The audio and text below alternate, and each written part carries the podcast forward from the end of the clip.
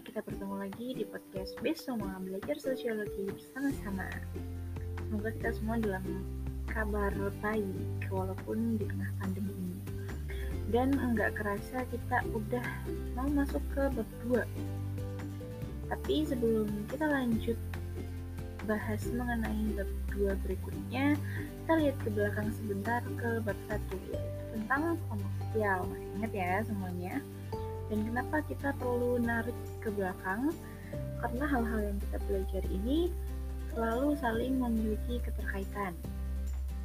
Nah, oke okay, di kelompok sosial pasti teman-teman masih ingat kita sudah belajar mulai dari definisi atau hakikatnya, kemudian bagaimana satu kelompok bisa terbentuk, lalu jenis-jenisnya, dan hingga yang paling akhir kita sudah belajar mengenai pola hubungan antar kelompok sosial, juga mengenai karakteristik khusus kelompok sosial dan eksklusivisme kelompok sosial.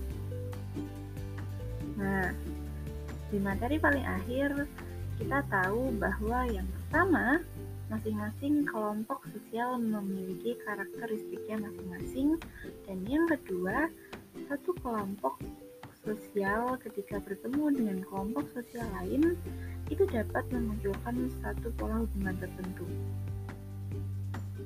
Nah, atas adanya dua hal tersebut, atas adanya dua fenomena tersebut, masyarakat dalam kelompok-kelompok tersebut itu nggak bisa lepas dari yang namanya masalah, masalah sosial.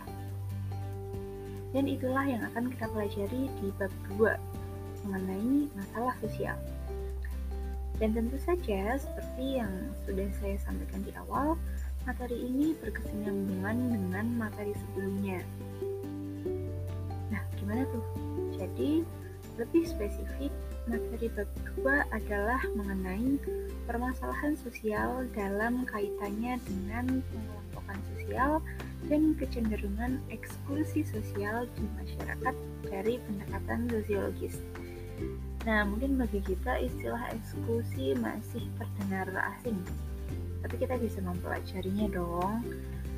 Nah, eksklusi sosial itu sama dengan uh, pemisahan atau peminggiran atau marginalisasi. So, istilah lainnya kita akan belajar soal bagaimana sih permasalahan sosial yang ada di masyarakat kita yang sumber potensinya muncul dari hubungan antar kelompok sosial, yang antara satu kelompok dengan kelompok lain memiliki kecenderungan akan perbuatan pemisahan atau pemikiran atau marginalisasi. Yang nggak jauh beda dengan pembedaan perlakuan atau pengasingan satu kelompok terhadap kelompok lain. Kira-kira begitu. Nah, dan nggak sampai situ saja, ke depannya kita juga akan lebih lanjut belajar untuk uh, memberikan respons. Kita sudah belajar tentang bagaimana permasalahannya, bagaimana uh, eksklusi yang terjadi, dan ke depannya kita juga belajar respons apa yang sebaiknya dan perlu kita lakukan untuk menghadapi permasalahan sedemikian rupa. Kayak gitu nah demikianlah keseluruhan inti dari bab 2 yang akan kita pelajari bersama. So tetap semangat semuanya dan have a good day. Sampai jumpa di pertemuan selanjutnya